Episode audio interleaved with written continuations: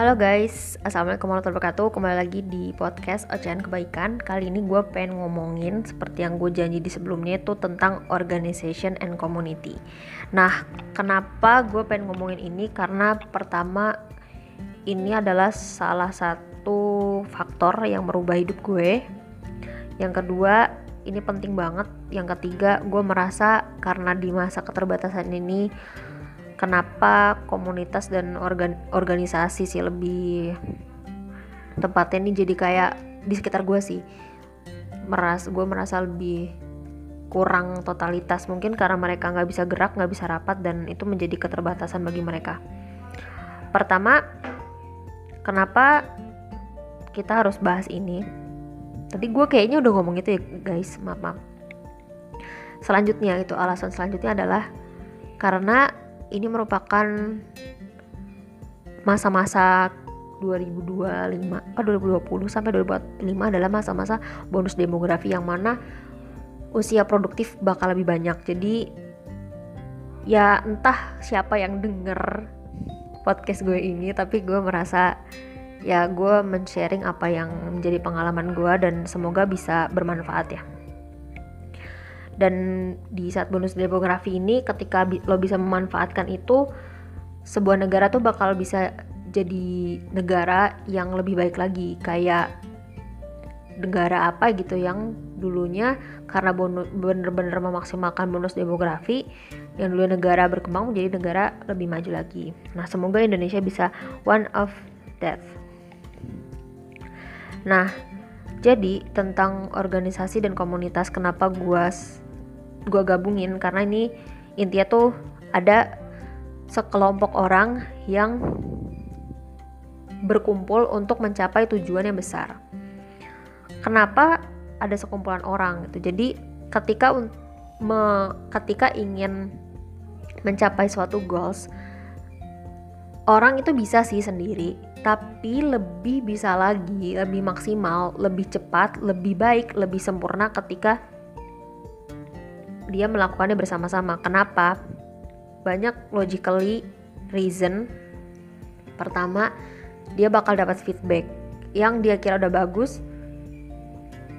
bisa disempurnakan lagi. Kedua, ketika dia udah mulai capek, semua orang pasti punya dong titik jenuhnya. Mereka bakal saling sharing semangat lagi. Nah,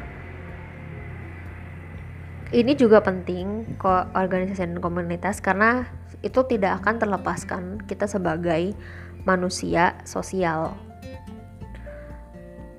Kenapa penting mengikuti sebuah organisasi atau komunitas? Karena di sana kita bisa mengasah yang tadi tentang communication. Kita nggak bisa dong tahu komunikasi mana yang benar kalau kita nggak pernah mencobanya trial error ke orang lain.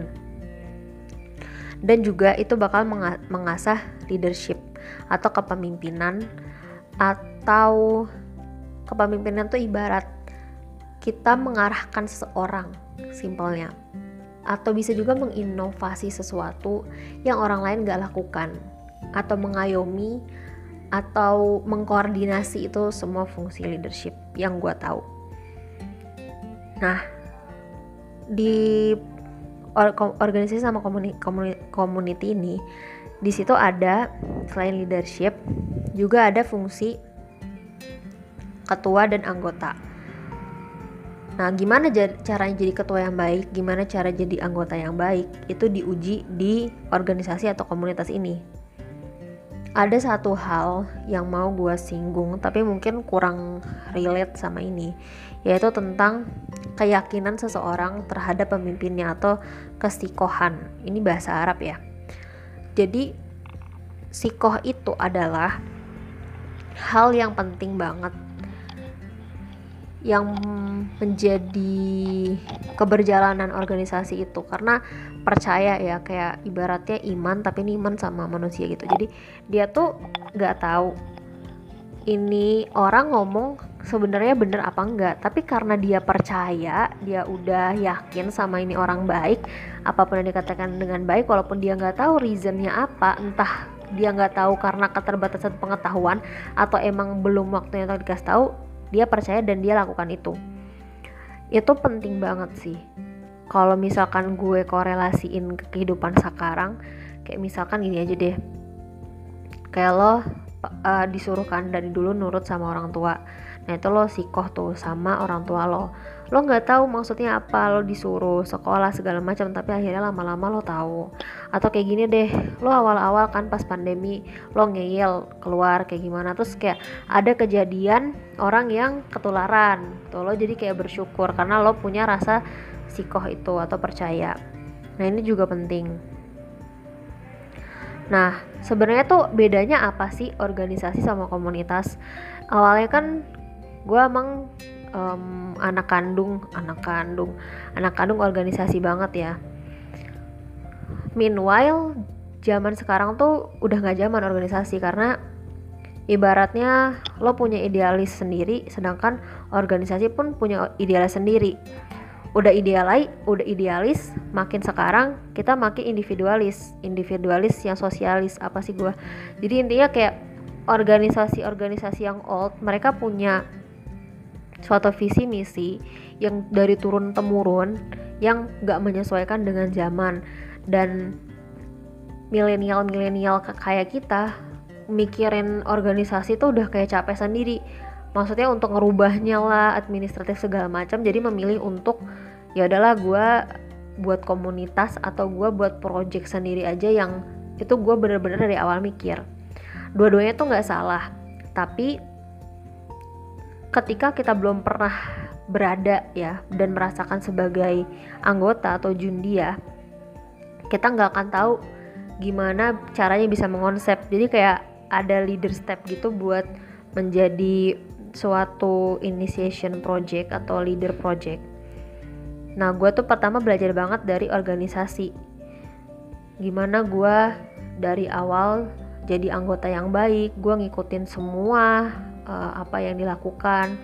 Gue belajar dari situ, lalu gue menjadi leader di sana. Gue mulai mengkonsep, gue mulai belajar gimana caranya lu bisa membuat orang melakukan sesuatu tanpa orang itu merasa dia disuruh.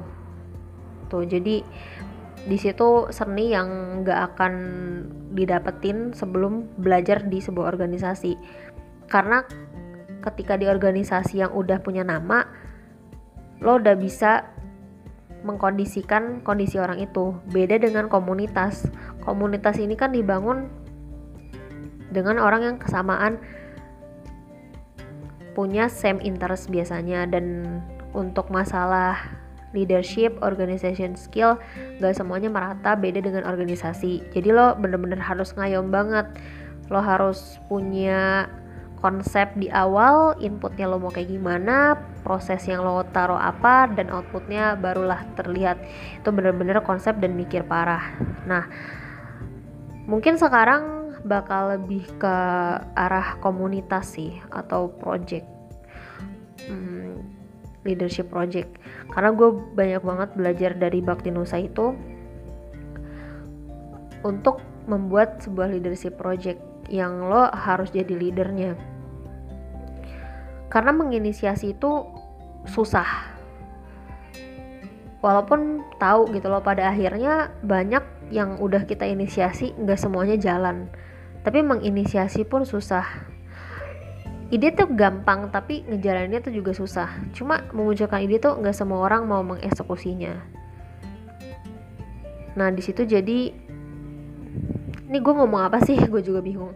Ya itu sharing pengalaman gue ya. Jadi kalau misalkan lu pengen meningkatkan skill lu dari berbagai apa pun itu ya atau lu pengen jadi orang sukses lo bisa bermulai dari sebuah organisasi ya mungkin sekarang lo masih jadi anggota di dalamnya tapi lo berperan menjadi anggota lo maksimalin dulu di situ. Lalu ketika lo punya waktu atau lo memberanikan diri untuk membuat batu loncatan menjadi sebuah project leader yaitu lo buat komunitas atau lo buat suatu gerakan suatu pelatihan yaitu lo buat dengan berbagai pelajaran yang telah lo dapatkan ketika lo menjadi anggota.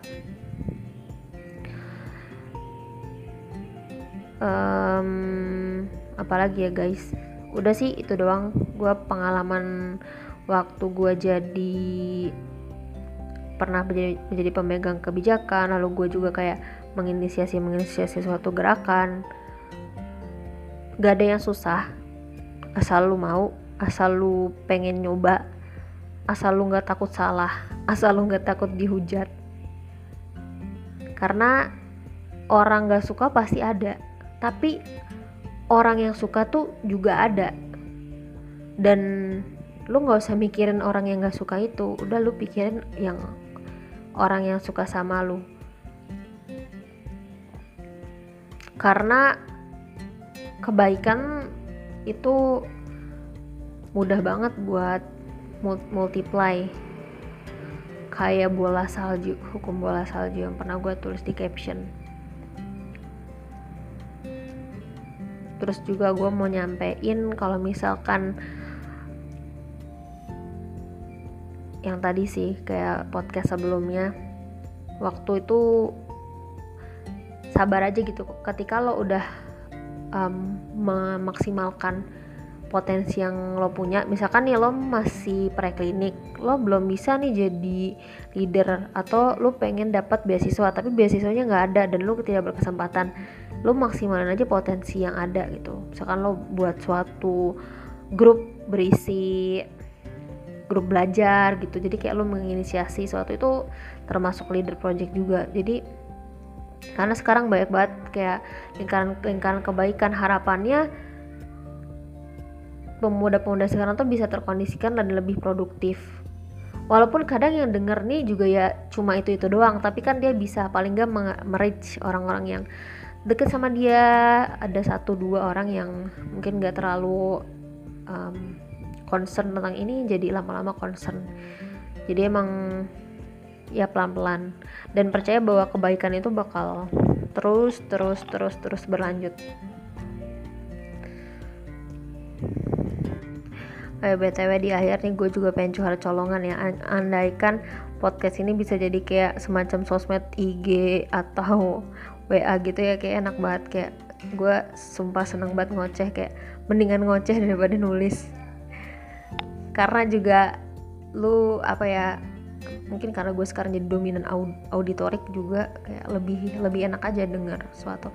Misalkan kadang lu juga capek gak sih baca dan emang pendengaran tuh adalah fungsi yang paling utama um, muncul ya ketika di janin pun makanya kayak diperdengarkan Al-Quran banyak waktu bayi dia jadi lebih mudah dan dia belum bisa baca tapi dia udah dengar duluan Oke okay guys, itu cuma intermezzo aja. Semoga ada yang bisa diambil ya. Kalau kagak ada bisa ya udah lu buang aja, lu ambil yang baiknya. Semoga bisa jadi sebuah inspirasi buat lu semua. Terima kasih banyak. Wassalamualaikum warahmatullahi wabarakatuh.